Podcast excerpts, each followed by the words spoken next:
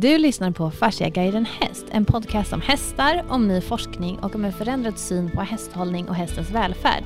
Jag heter Jennifer Nyman och sitter här idag med Camilla Ranje Nordin och Jenny Karlsson. Hej! Hej! Hej hej! Idag har vi en hedersgäst också i form av min son på tre månader. Så om man hör några små konstiga ljud i bakgrunden så vet ni varför och vi hoppas att han inte ska störa allt för mycket. Eh, och med det sagt så ska vi idag prata om trav, som då är hästens gångart, och vad som händer när hästen travar. Och um, jag tänkte att inleda med att du Camilla har ju sagt förut att hästen är ju egentligen byggd för att skritta och galoppera och traven är ju mest en förflyttningsgångart. Kan du mm. utveckla det lite grann? Jog, joggning, trav, travjoggning är mer än när den vill förflytta sig lite. Och vad innebär travjoggning? Ja, att den inte travar fort. För, för när, alltså, traven är ju en, en diagonal rörelse så att säga. Så att, eh, när hästen travar, i och med att den har sån... Eh, alltså den är gjord, ska den springa fort då galopperar den. Och eh, annars så eh, skrittar den. Och i, ibland och så kan de jogga lite. Men de travar inte fort. Så fort de kommer över i, i en högre hastighet så, så börjar de galoppera. Utom travhästar då, som är avlade för att trava. Eh, men eh,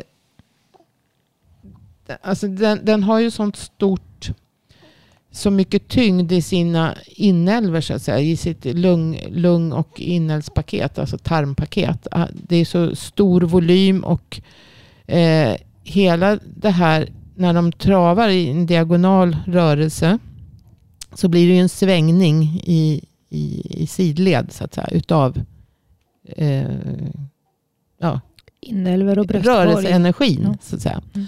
Kommer börja svänga, eh, svänga inälvspaketet. Så att när eh, ja, den sätter diagonala benparen i, i luften, då så kommer, eller i luften, i marken, så kommer eh, säg vänster fram så, så kom, och höger bak så kommer liksom eh, bröstkorgen då att rotera. Eh, så bröstbenet så att säga roterar åt, åt vänster då, mot det här benet som är i backen. Och hela inälvspaketet kommer alltså att börja gunga fram och tillbaka i sidled. Vi kan bara förenkla det lite så. Eh, och det gör ju att det blir en väldig påfrestning på ryggkotpelaren. Så för att hästen då inte, så koterna ska säga, de är ju gjorda för att kunna rotera. För det sker ju då när hästen rör sig en rotation. Men för att inte koterna då ska så att säga, rotera sönder och ligament och allt sånt ska gå sönder som stabiliserar eh, koterna. Så måste ju muskulaturen hålla emot den här rotationen och försöka. Det är det som händer då. Det blir som en, en statisk eh, rörelse, en stat, statiskt arbete för att stabilisera hela, hela bålen så att säga, ryggkotpelaren så att den inte eh, roterar eh, för kraftigt och går sönder. Och det här är ju väldigt jobbigt då eh, för hästen när, när det går för fort. Så att säga. För då ökar ju rotationen. Det blir ju en högre kraft, högre rörelseenergi i sidled också. Då när, eh, och dessutom så, så när hästen skrittar och travar så andas den aktivt med muskulaturens hjälp. Vissa andningsmuskler då. Och det finns då, eh, dels är det ju eh, muskler runt revben och så. Men sen finns det också andra muskler som går upp ovanför ryggraden. Serratus dorsalis heter de som, som går upp. Och, och de sköter också lyft och ja, revbenen. Då, så, så, att de sköter också in och utandning. Och det här är ju muskler som går upp mot ryggen. Så det kan alltså, och det är ju när hästen springer fort så ska den, den är alltså gjord för att inte lägga energi och kraft på att andas. För när hästen galopperar då andas den passivt. Alltså den behöver inte lägga någon energi på andningen. För att då har hela det här inälvspaketet en annan eller den Funktion. hjälper till med mm. andningen. Så att den, när hästen sätter benen i marken, frambenen i marken, då utav rörelseenergin då som he, kommer hela inälvspaketet att trycka framåt. Det, det vill ju fortsätta fram, det vet ni. Man, mot diafragma. Ja, mot diafragma kommer ju alla, hela tarmpaketet då. Och trycker upp diafragma som trycker på lungorna som alltså trycker ut luften. Mm. Och sen när den då lättar och får bakben, alltså svävmomentet, så, så kommer ju då hela innespaketet istället att tryckas bakåt och diafragman så att säga trycks bakåt och luften kommer in i lungorna, sugs in på alltså ett passivt sätt. Då. Så att den behöver, alltså när den flyr, den är ju ett flyktdjur, den ska inte behöva lägga energi på att, att andas.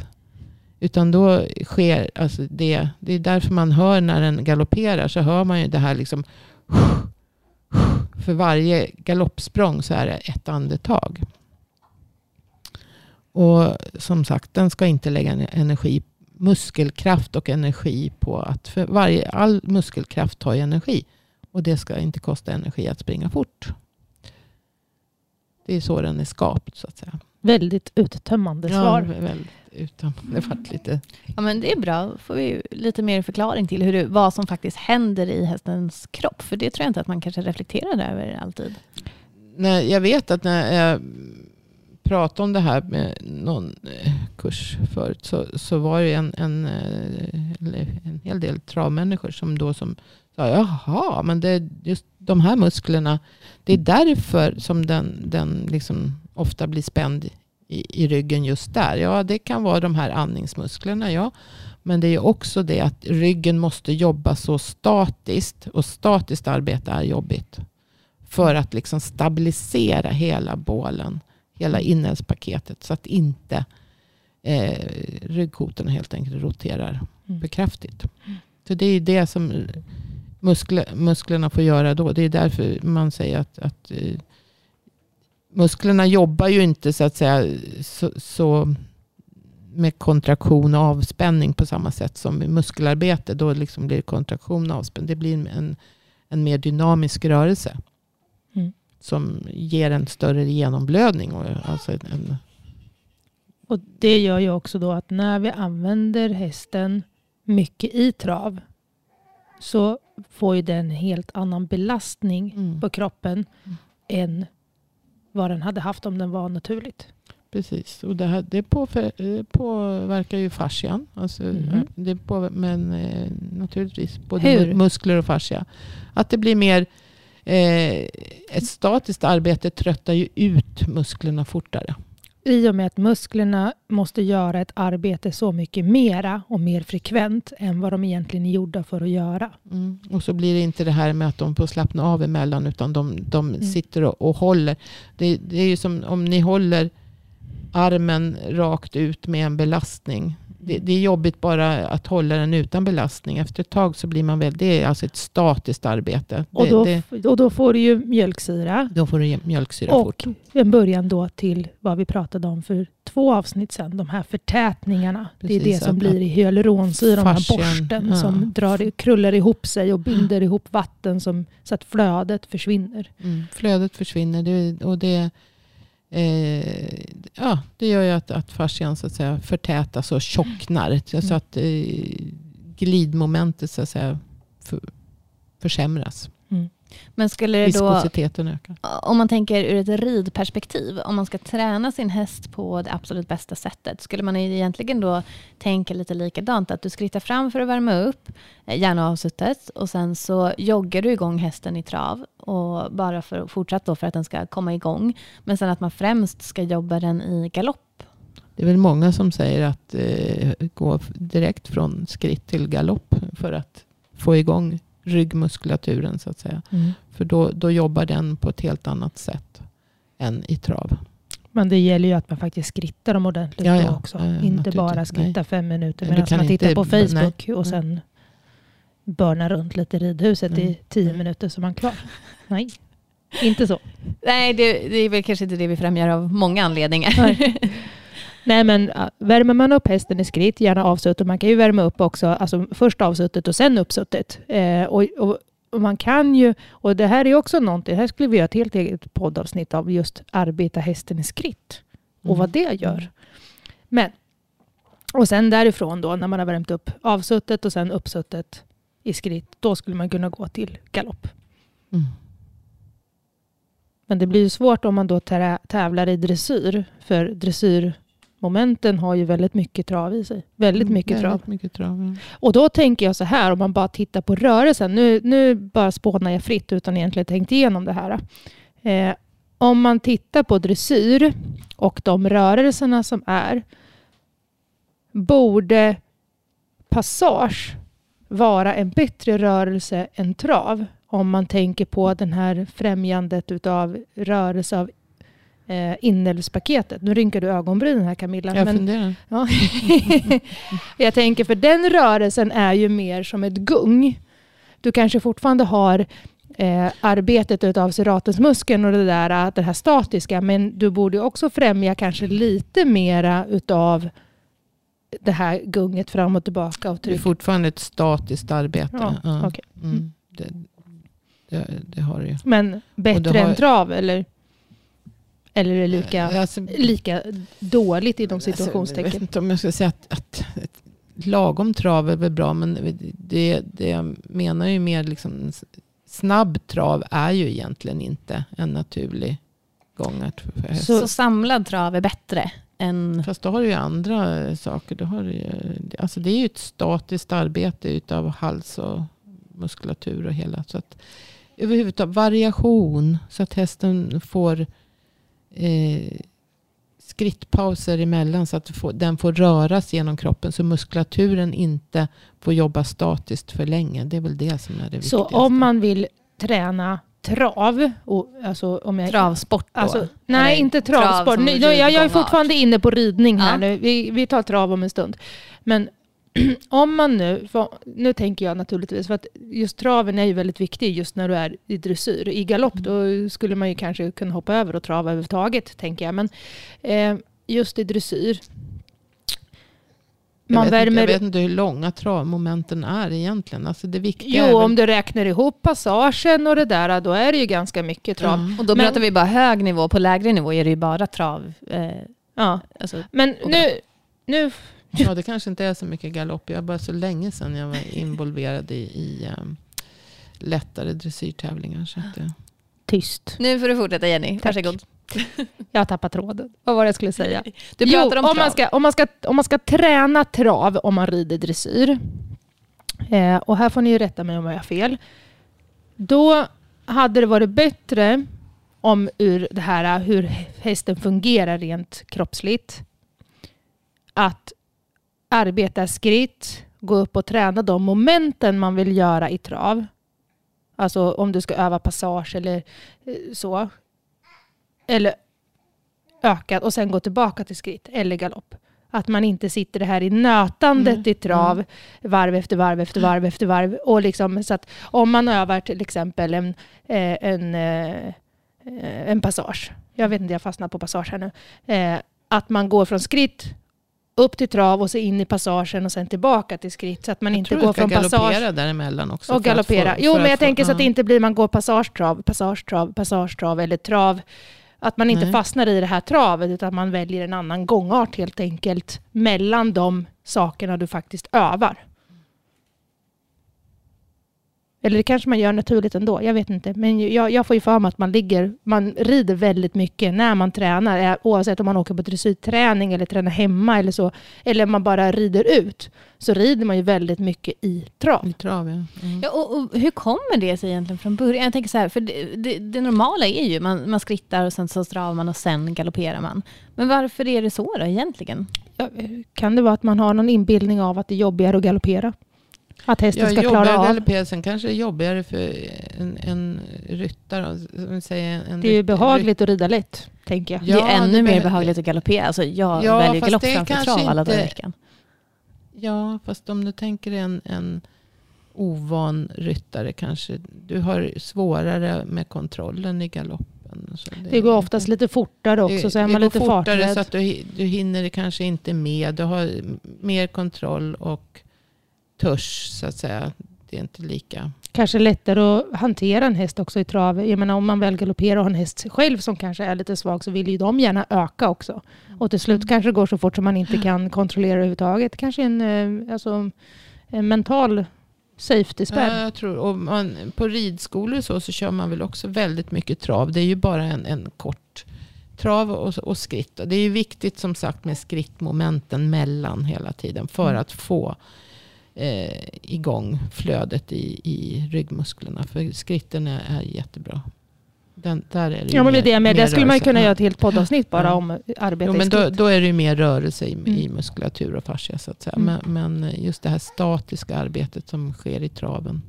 Men om vi, om vi Jag tror inte man kan tänka sig att det är så just det här med andningen som jag pratade om. Det kanske inte är något problem i vanlig ridning i, i, i trav. Vanlig hobbyridning ja, menar nej, nej. Är det och mer om man kommer upp på väldigt hög nivå så hästen verkligen är ansträngd? Eller är Eller det snarare vi trav? Ja, jag travsport? tror Ja. kanske mer travsport. Att det, att det påverkar mer där. Därför att då, det, är ju, jag menar, det går ju åt energi till andningen också. Så det är klart att, att eh, när de måste trava fort då, så, så blir det ju en, en mer påfrestande. Skulle man kunna säga då att det är bättre energi, inte hantering, men energi, alltså vart man lägger energin är mer fördelaktigt för en galoppör än vad det är för en travhäst. Du har mer Ja. energi att lägga på att ta dig framåt än vad du har för en travhäst. därför en, en galoppör behöver ju aldrig tänka på. Nej, det är det eller tänka på behöver aldrig Lägga energi lägga någon, ta någon energi för att andas. Utan det går ju per automatik passivt. Så att säga. Så kan man säga de här hästarna som frustar mycket, så här, varje galoppsprång så frustar de hela tiden. Är det då att de har väldigt bra andningsfunktion? Alltså frustningen är ju, är ju ett, ett positivt. Den frustar ju när den blir avspänd. Så att, så att det, Ja, för det finns ju vissa som så här frustar i takt med Mm, galoppen, mm, liksom varenda. Och det, det, det, det hör man ju liksom när de galopperar. Fast då, är, då pratar vi ändå ganska eh, samlad galopp. Eller kan man höra de här frustningarna även i, I på fyrsprång? i fyrsprång? Kan man höra de här frustningarna i ett travlopp? Tror inte det. Nej, Jag har aldrig tänkt tanken. Men, nej, nej, så att tror jag inte. de här frustningarna och Jag inte kommer när det, de jag- kan, jag när tror de kan jobba avslappnat Jag- i en kontrollerad gångart.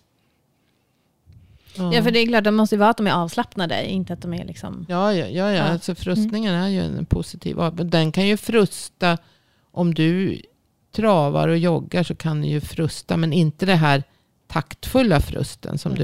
du pratar om just i varje galoppsprång. För Mm. det, det, gör, det har ju med andningen att göra. Mm.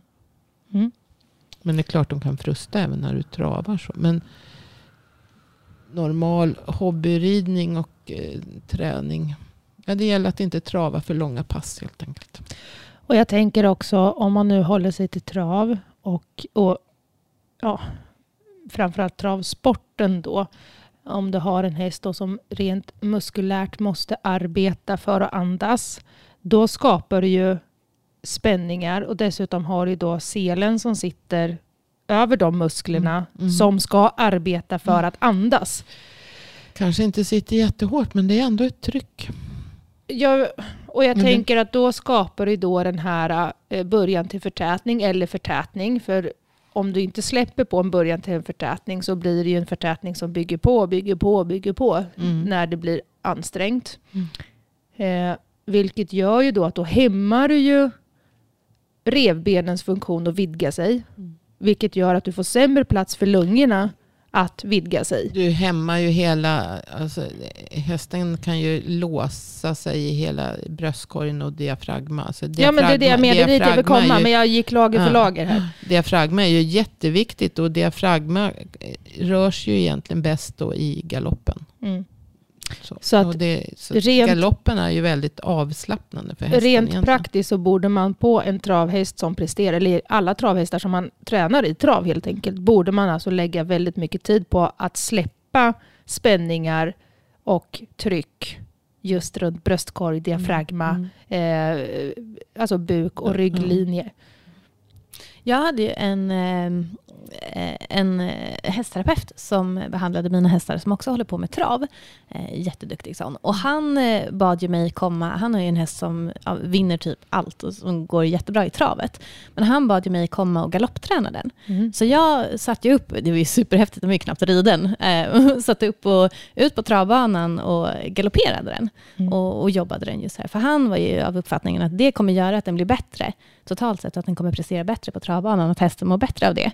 Jag vet inte om det är vanligt inom travet. Det, det blir vanligare och vanligare, för jag hör det lite alltså, mer och mer, att just travhästar galopptränas. Men då Mm. tror inte jag att det är ur andningsfunktion, för så långt tror jag inte att man tänker, kanske någon är någon annan, utan då är det ju mer rent att man arbetar med andra muskler och bygger Mm. andra muskler för att de ska kunna trava bättre och mer hållbart.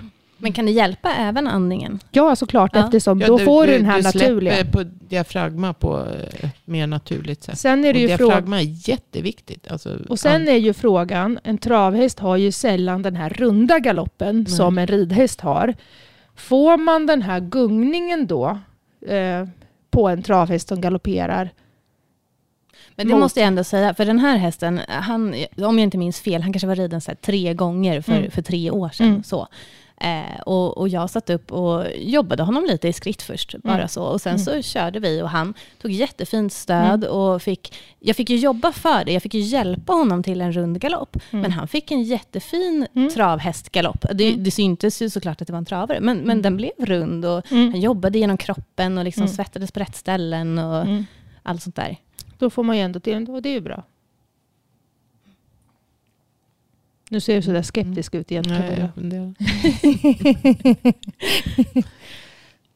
Men hur ska man hjälpa en travhäst optimalt då? Ska det vara, man ska jobba mycket med att släppa på spänningar runt eh, diafragman och allt som du pratade om och kanske Ja. också galoppträna dem. Ja. Alltså, för travhästarna blir ju väldigt spända i ryggen och eh, Jag tänker att- ländrygg. Osciller, Det- eller oscillering som Mm. du säger måste ju vara en fantastiskt hjälpmedel på en travhäst. Mm. Och för er som inte vet vad oscillering är, jag säger oscillering, det heter tydligen oscillering. Ja, det Skitsamma, som man oscillering låter trevligare tycker jag. Det är att man gungar. Alltså du, Ja. Man gungar ju hästen fram och tillbaka i sidled så att man får en svängning i ryggen. med bröstkorgen. Ja. Mm. Och så gör man då det i, alltså i bröstkorgens område för att liksom öka rörligheten helt En enkelt. diafragma sitter. Och det ni pratar om är att alltså Det- hästen står på gången och ni, gung, ni Ja, står men man, manuellt står, man står på gången och så gungar man hästen fram och tillbaka i sidled så att du får den här svängningarna i, i, i ryggraden helt enkelt för att gunga Ja, och fram reb, rörlig. revbenen. Ja, det blir ju det. Du jobbar ju Ja. med revbenen. Men, men alltså, eh, diafragma är ju en, en, eh, kan man säga, en platt muskel med mycket fascia stråk, om vi nu ska prata så. Och som sitter alltså som en avgränsning mellan brösthåla och bukhåla. Så Mm. den avgränsar lungpartiet, lunghjärta i thorax mo- gentemot tarmar och, och lever och den Mm. biten som sitter i bukhålan. Då. Mm. Och eh, som jag sa då, när, när hästen galopperar så, så alltså, diafragma är ju en, en, man kallar den ju också för en andningsmuskel. Och det är, Den låser sig ofta, det är ju som med människor, vi ytandas alldeles för mycket. Mm. Och man säger ju att de flesta människor kanske använder 10% av Mm. diafragmas rörelse så att säga. Mot vad den så att säga, ska röra sig för att det ska vara hälsosamt. Och det enda vi kan göra åt det, det är ju att, att vi djupandas så att säga, och verkligen se till att man andas ner i buken och känner hur diafragma sjunker. Och Men det kan du ju inte säga åt hästen. Nej, men man kan göra optimalt för dem att andas. Och Mm. det knyter ju till vårt förra avsnitt med värme. Mm. För att jag stod, att det här med andning och värme är ju helt fantastiskt. För att jag fick, du berättade för mig att man måste kunna andas. Just det här med att man kan andas ordentligt, inte bara ytandas utan djupandas. Eh, och att man då kan hålla värmen med att andas. Mm. Och det här, har jag prov, det här gör jag numera så fort jag fryser. Och eftersom jag är en fryslort så gör jag det. Och senast idag när jag stod och väntade på tåget i morse så stod jag och frös lite grann. Då djupandas jag, så verkligen Mm. långsamt in och Mm. långsamt ut. Och jag lovar, tre andetag, sen fryser man inte längre. Nej. Och det, då kan man ju koppla även där just det här att en häst som då kan andas ordentligt, för hästar reglerar ju det här instinktivt. Men en häst Och- som är spänd kan Ja, så att säga fastna i Ja. sin inandning. Ja, men det är ju dit jag vill Ja, komma. precis. Du får lyssna på Mm, mig. mm. Eh, Om man då ser till att den kan andas normalt genom att, framförallt då travhästar som blir spända här, eh, att se till att man släpper på förtätningar och eh, spänningar, oscillerar så att det funkar så att allting kan vidga sig så som det gör. Och galopptränaren så att man tränar diafragman, att den kan gunga fram och tillbaka. Mm. Då måste den ju också kunna hålla värme mycket bättre. Jo, det gör den ju. Ja. Men Det, så att eh, andningen är ju A och O. Plus att den eh, blir ju... Alltså det, ja, diafragma har så mycket eh, samspel ihop med, med fascia och resten av, av eh, kroppen. Och, och lymfsystemet fungerar bättre om diafragma får röra sig. För att Mm. det, det påverkar även lymfavflödet så att säga. Nu, nu kom helt på något. Nej, men jag bara kom på varför jag säger oscillering. För det stavas ju SC. Och fascia. fascia. Fascia, det, oscillering. Ja, det är därför jag säger oscillering. Och det, Ja. Man får säga vad en man vill. en avstickare helt. Men det är bara, det bara slog. Oscillering, det är alltså att man gungar hästen Mm. fram och Men du tillbaka i sidled. fascia. Nej, Jo, man säger en- inte fascia. en- en- Det finns de som gör det, men det, fascia. inte, Det finns de som säger fascia också. Ja. Fascia. det, det är väl alltid så när det är nytt. Mm. Så. Jag säger inte att det ena eller andra är fel. Jag säger bara att det, det, det är därför jag säger så. Det, Ja. det är någon, någon slags logik, logik i galenskapen. Eller hur? Ja. Men om vi ska bortse från eh, svensk grammatik och uttal och eh, hela den biten då. Så eh, om man tänker då gemene man, hur ska man tänka kring trav? Om vi ska summera den biten lite grann. Och innan vi summerar så tänker jag så här också att skulle man se till skulle man se till då att hästen kan andas när den travar ordentligt, eller den kommer ju alltid bygga på spänningar eftersom den måste muskelandas, eh, men att man hela tiden kontinuerligt ser till att den blir avslappnad, avspänd och med en lös diafragma. Alltså man lägger tid på oscillering och eh, alltså behandling som gör att den släpper. Det måste ju också göra att den går rakare. Det måste ju bli, alltså det blir ju, eh, ja, nej, så här var det jag skulle säga.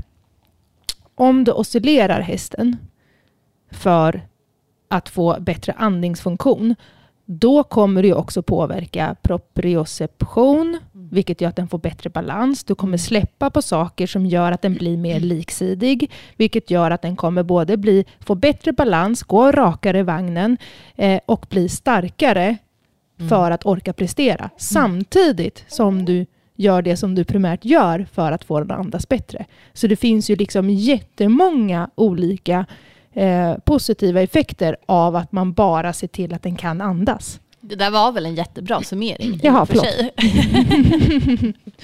Okej. Ja, nej, men jag tänker att just det, vad, vad kan man göra för att hjälpa hästarna? Eh, om nu traven inte är den primära gångarten egentligen. Eh, och, och en fråga till det då, kan man... Nej, kan att, man inte, att inte trava för långa pass. Och att inte Fast bara, det är ju svårt på en travhäst när Ja, den ska gå lopp. De, ja, ja, ja, så är det ju. Men nu pratar du ridning förut. Nej, men, Ja, så, så att för travhästen så har vi summeringen där Ja. från Mm. Jenny. Mm. Eh, och sen om man tänker som eh, En ridhäst. Rid, ridhäst. Undvik att trava om du inte ska träna det du faktiskt ska träna. Jag, jag tror inte att andningen i sig är något problem på en, en vanlig ridhäst. För den travar inte så fort och så. så, så det, det är inte den spänningen som, som är den värsta. Utan det, det är det statiska arbetet om man Mm. travar för länge. Men Mm. fortfarande då så är det ju, det är ju inte av skada att trava mindre och galoppera mer. Det, hästen mår ju Nej. bra av att galoppera. Så att Och du, våga, bygger, och du bygger mycket bättre och trevligare muskler av att galoppera. va? Ja, inte bara magmuskler men också att du får liksom ba bakdelsmuskulatur och just den här flexibiliteten i LS-leden, Ja, alltså precis. som den som är gjord. Och den behöver ju vara, och det här är också någonting,